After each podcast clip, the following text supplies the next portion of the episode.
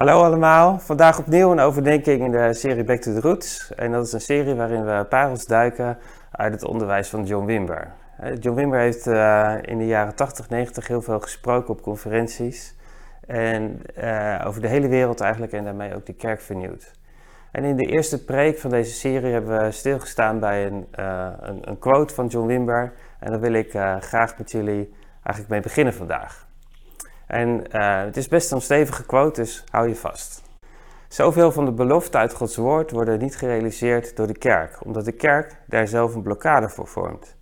We kunnen niet aan de ene kant zeggen dat God Heer is in ons leven en aan de andere kant een leven leven dat laat zien uh, dat Hij dat niet is. En dan toch verwachten dat Gods beloften uitwerking hebben in ons leven. En het resultaat daarvan is een, een kerk die niet is wat het zou moeten zijn, een kerk die zwak is. Als wij de oorlog met de vijand willen winnen, dan kan dat alleen door een overwinnend christelijk leven. We moeten uh, echt van God houden, vol zijn van zijn geest, onberispelijk voor mensen, rechtvaardig in al onze houdingen en handelen. Mensen die God echt vertegenwoordigen als een priester. Aldus John Wimber. Nou goed, vorige week hebben we stilgestaan bij het onderwerp seksualiteit en spiritualiteit. En een overwinnend christelijk leven is wat God voor ons heeft, ook op het gebied van seksualiteit. We hebben echt de indruk dat we daar met elkaar voor mogen staan. En God heeft de afgelopen jaar ook op verschillende manieren gesproken, onder andere door indruk van het pre-team, dat heiligheid een thema is, dat heiligheid belangrijk is. En nu is dat belangrijk natuurlijk in je persoonlijke leven, maar het is ook voor ons als lichaam van Jezus belangrijk. Als gemeente zijn we het lichaam van Jezus hier op aarde. En dat betekent dat we geestelijk aan elkaar verbonden zijn. Dus als jij ruimte geeft uh, aan de vijand in je leven, bijvoorbeeld op seksueel gebied, dan heeft dat niet alleen gevolgen voor jouw persoonlijke leven, maar ook voor ons als gemeente, voor het hele lichaam. Er wordt dan een deur opengezet voor de duisternis. En uh, ja, dat zouden we echt niet moeten willen met elkaar. Een overwinnend christelijk leven, dat is wat God voor ons heeft, ook op het gebied van seksualiteit. Zoals ik vorige week uitgelegd heb, is de kerk niet altijd heel behulpzaam geweest in het toerusten van mensen op dit gebied.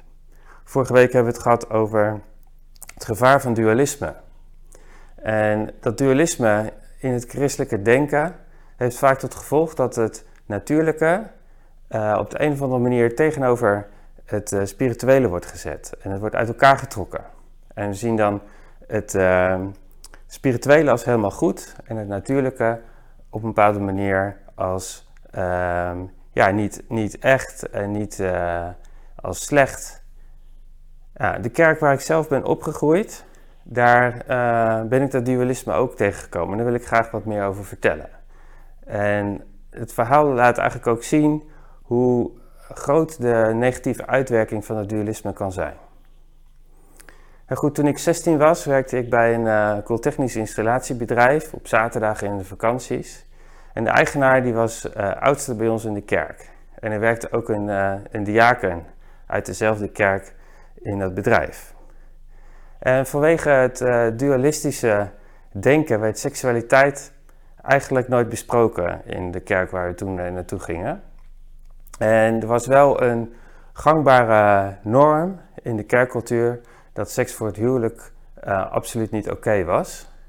Maar er werd nooit gesproken over hoe mooi en prachtig God seksualiteit heeft bedoeld. Er werd nooit gesproken over uh, het wezen van gezonde seksualiteit en hoe diep en verbindend dat kan zijn binnen een verbondsrelatie van levenslange toewijding en trouw. En rondom seksualiteit, daar hing eigenlijk een, een zweem van schaamte. Het was iets aards, uh, lichamelijks, niet geestelijk. En praten over seks, dat was beladen met schaamte en ja, ongemakkelijkheid. En het bedrijf waar ik werkte voerde verbouwingen uit van uh, Albert Heijn supermarkten. En dat werd dan in, uh, in een weekend gedaan, er werd een heleboel verbouwd. We moesten soms met een heel team op zaterdagavond werken. En er werkten een aantal gasten die, uh, ja, die nogal oversext waren. Het waren echt wel aardige lui hoor, daar, daar ging het niet om.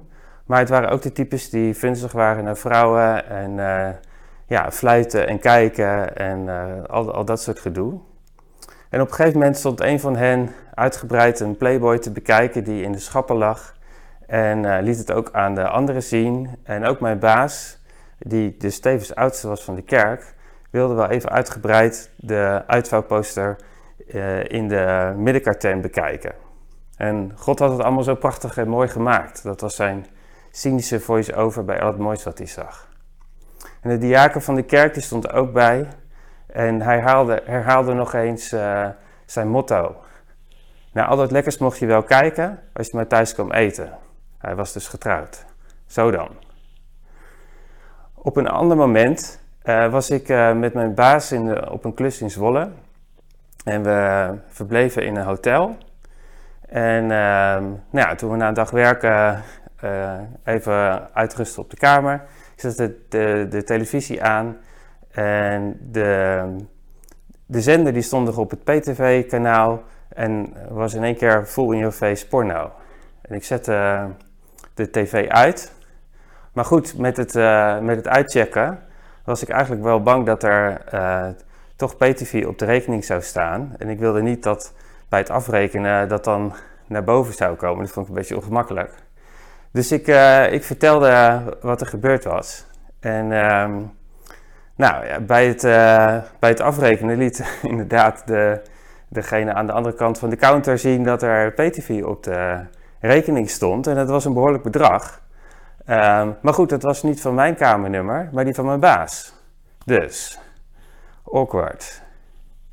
Dus beide mannen die, dus een, een positie in, van autoriteit in de kerk hadden en een rolmodel voor mij waren, die zaten zo in de wedstrijd. En het, was in die zin ook een, periode waarin ik zelf niet zo lekker in mijn vel zat en ik voelde me vaak leeg en eenzaam. En uh, ik heb wel eens vaker uh, verteld dat ik ben opgegroeid in een, ja, een ongezond familiesysteem.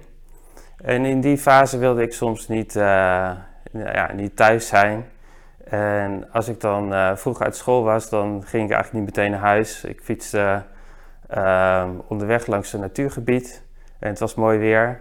Dus ik, uh, ik besloot om daar eventjes wat te gaan lopen. En ik was helemaal alleen.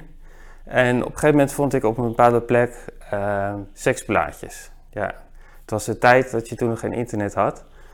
Um, en op de een of andere manier was het aantrekkelijk en ik heb toen die troep binnengelaten. En wat een spijt heb ik daarvan gehad. Want het leidt tot gebondenheid. Waarom vertel ik dit verhaal nu? Um, het ontbreken van gezond onderwijs in de kerk, het ontbreken van gezonde rolmodellen in de kerk, um, het dualisme, dat uh, heeft geleid ja, tot, tot een, bepaalde lacune in mijn denken op het gebied van uh, seksualiteit. Um, het waren rolmodellen die openlijk niet heilig leefden op seksueel gebied. En eigenlijk met een slappe excuus over de schoonheid van eh, Gods schepping dat gingen goed praten. En dat alles bij elkaar was een valstrik voor de, van de vijand, waar ik toen ik nou ja, 16, 17 jaar was, uh, niet tegen opgewassen was. En door het dualisme in de kerk en eigenlijk ook in het denken van mijn ouders, want bij ons thuis werd er ook niet op een gezonde manier over seksualiteit gepraat, uh, was de waarheid van de vijand op, het, op dat moment krachtiger. En ik was niet in staat om een gezonde waarheid daar tegenover te zetten. Um, omdat ik die gewoonweg niet had gehoord. Thuis niet en in de kerk niet. De boodschap van de kerk was: uh, seksualiteit is aards, ongeestelijk, ongemakkelijk, vies. Um, waar we eigenlijk niet over mogen praten, laat staan dat je er zou van mogen genieten of plezier aan zou kunnen beleven. En juist door het ontbreken van een gezond en positief verhaal over seksualiteit in mijn jeugd en mijn puberteit ook, maakte dat, dat ik eigenlijk ontzettend kwetsbaar was. En overwinning op dit punt kwam pas later, uh, toen ik met iemand anders daarover ging praten en het in het licht bracht. Een overwinnend christelijk leven, dat is echt wat God voor ons heeft, ook op het gebied van seksualiteit. God redt en hij is genadig, maar wij moeten wel met dit soort dingen in het licht komen. Ik weet niet wat het voor jou is, maar ik zou een oproep willen doen: kom in het licht en blijf er niet mee zitten. Nou, dit voorbeeld uit mijn eigen leven uh, laat zo helder het gevaar van het dualisme zien in ons denken. En om dit te voorkomen is het belangrijk dat we in de kerk op een gezonde manier over seks praten en laten zien wat uh, Gods bedoelingen zijn met zo'n diep verankerd verlangen dat ieder mens heeft. Het verlangen naar uh, seksuele eenwording. En het is iets prachtigs. Wat God bedoeld heeft om jou uh, intimiteit en puur geluk te geven. En een intieme lichamelijke en geestelijke eenheid. Een huwelijksverbond. Uh, dat zal door het beleven van, van seks heel erg verdiept worden en versterkt worden. Dat is waar God het voor bedoeld heeft.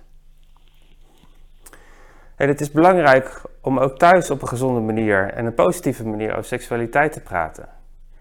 Laat de definitie van wat seks is niet over aan alles wat er, is, uh, wat er op internet te zien is.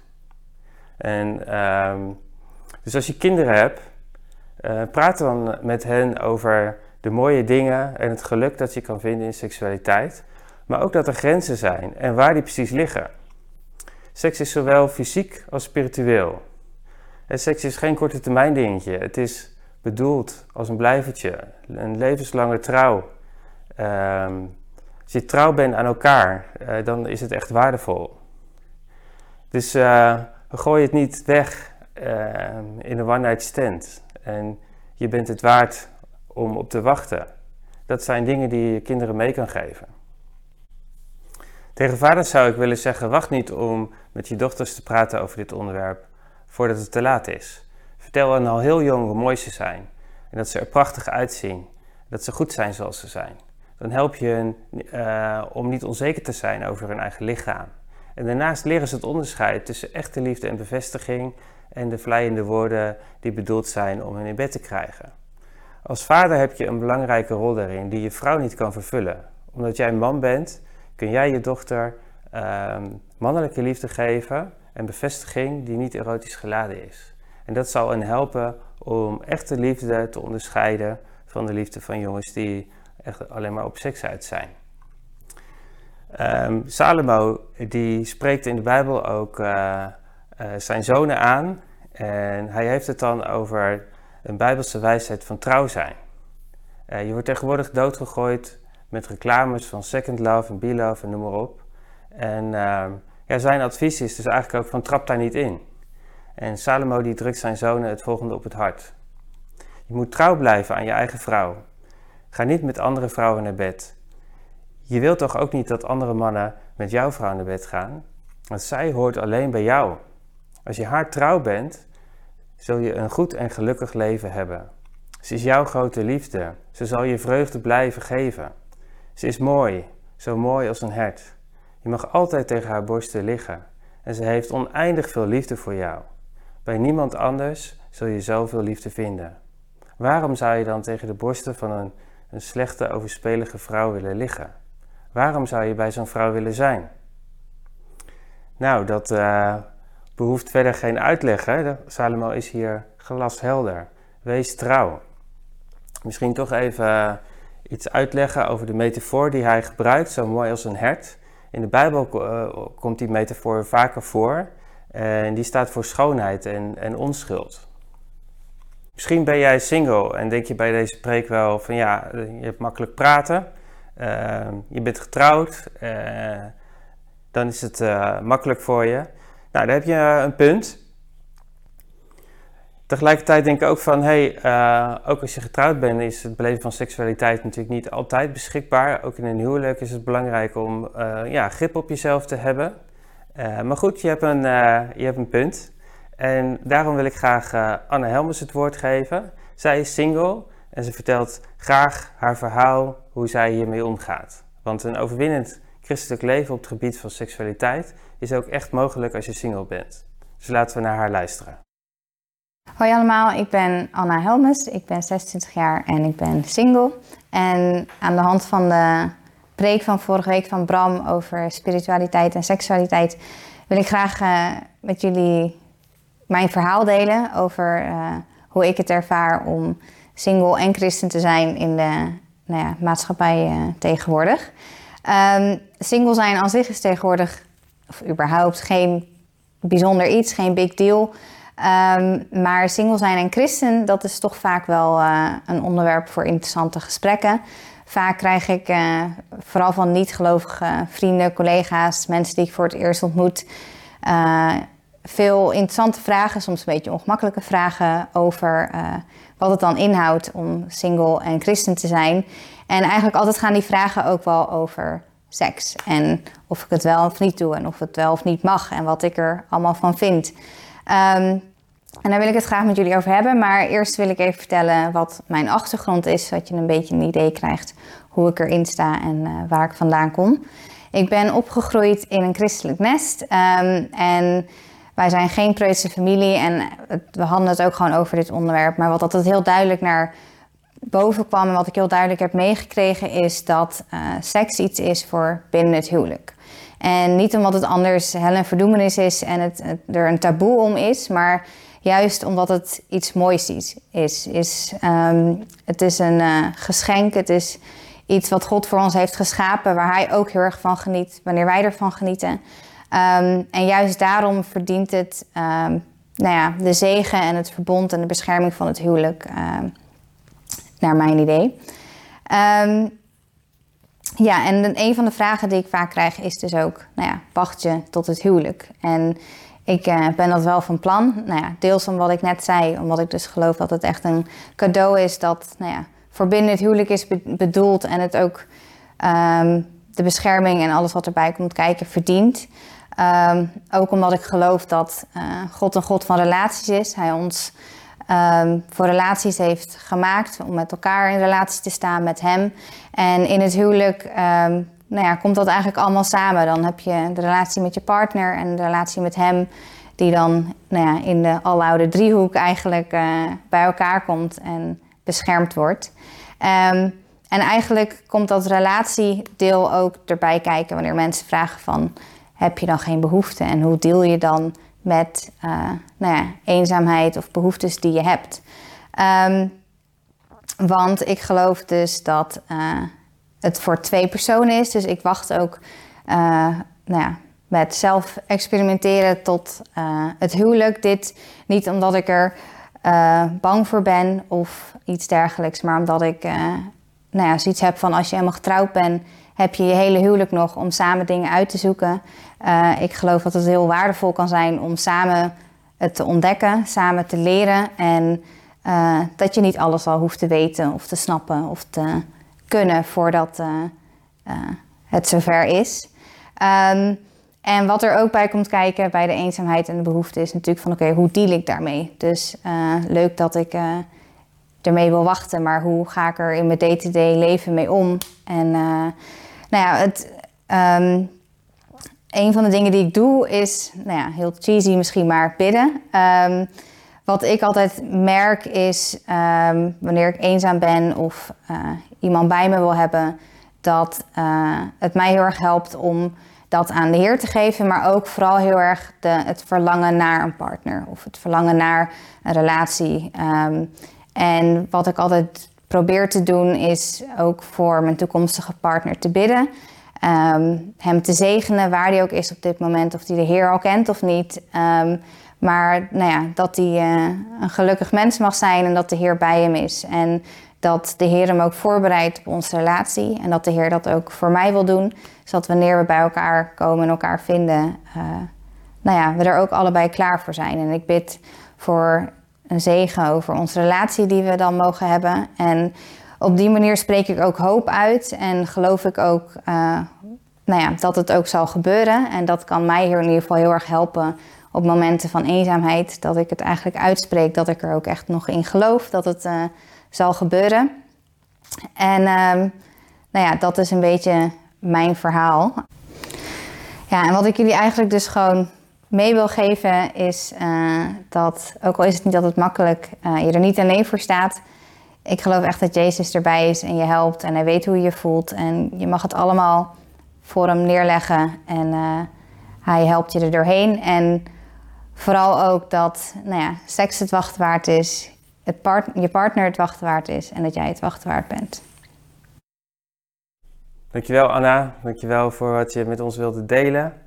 Dankjewel voor je openheid en je kwetsbaarheid. Goed, uh, het is nu tijd ook om uh, af te ronden en ik zou nog dit willen zeggen. Uh, worstel jij op de een of andere manier uh, met seksualiteit in je leven? Um, dan zou ik echt willen, je willen uitnodigen om daarmee in het licht te komen, om daarmee tevoorschijn te komen. En ja, praat daarover. En, laat ook voor je bidden. Laat je zegenen. En misschien uh, zijn er nog overwinningen te behalen op dit gebied in jouw leven. En ik zou je echt willen uitnodigen om, uh, ja, om, om niet te blijven steken, maar om, uh, om echt op te staan en, en daarvoor te gaan. Want een overwinnend christelijk leven op het gebied van seksualiteit, dat is echt iets wat God ook voor jou heeft. Amen. Goed, zullen we bidden? Vader, dank u wel dat u uh, ja, ons bestemd heeft, Heer, om uh, op een gezonde en overwinnende manier uh, ja, met seksualiteit om te gaan. Heer, dank u wel dat u een God bent van genade. Dat u ons op geen enkele manier veroordeelt, Heer, maar dat u er zo naar verlangt dat we in de vrijheid komen. En Heer, was ons schoon. maak ons schoon, Heer. Waar we ja, misschien wegen gekozen hebben die niet de uwe waren. En uh, Heer, misschien hebben we daar wel ontzettend spijt van. En misschien uh, zitten we nog, uh, denken we daar nog over na. Heer, u weet precies waar we zijn. En ik bid dat u komt met uw Heilige Geest en dat u, dat u ons verder helpt naar de volgende stap. En ik zeg je om gehoorzaam te zijn aan de Heilige Geest. Ik zeg je om in het licht te komen als dat nodig is. En ik zeg je om met moed om ehm, ja, je, je om te keren als dat nodig is. En uh, ik, uh, ik was je schoon ook van, uh, van schaamte als, er, als het voor jou een onderwerp is wat beladen is met schaamte. Maar misschien ook als, je, als jouw grenzen op seksueel gebied zijn geschonden. Of misschien is het wel in jouw leven gebeurd dat je dat bij anderen hebt gedaan. Heer, wilt u komen met uw genade en wilt u, wilt u um, genezing brengen en heling. En um, ja, vervul ons, Heer, met uh, wat u voor ons heeft. En ik zegen jullie met, uh, met overwinning. In Jezus' naam. Amen.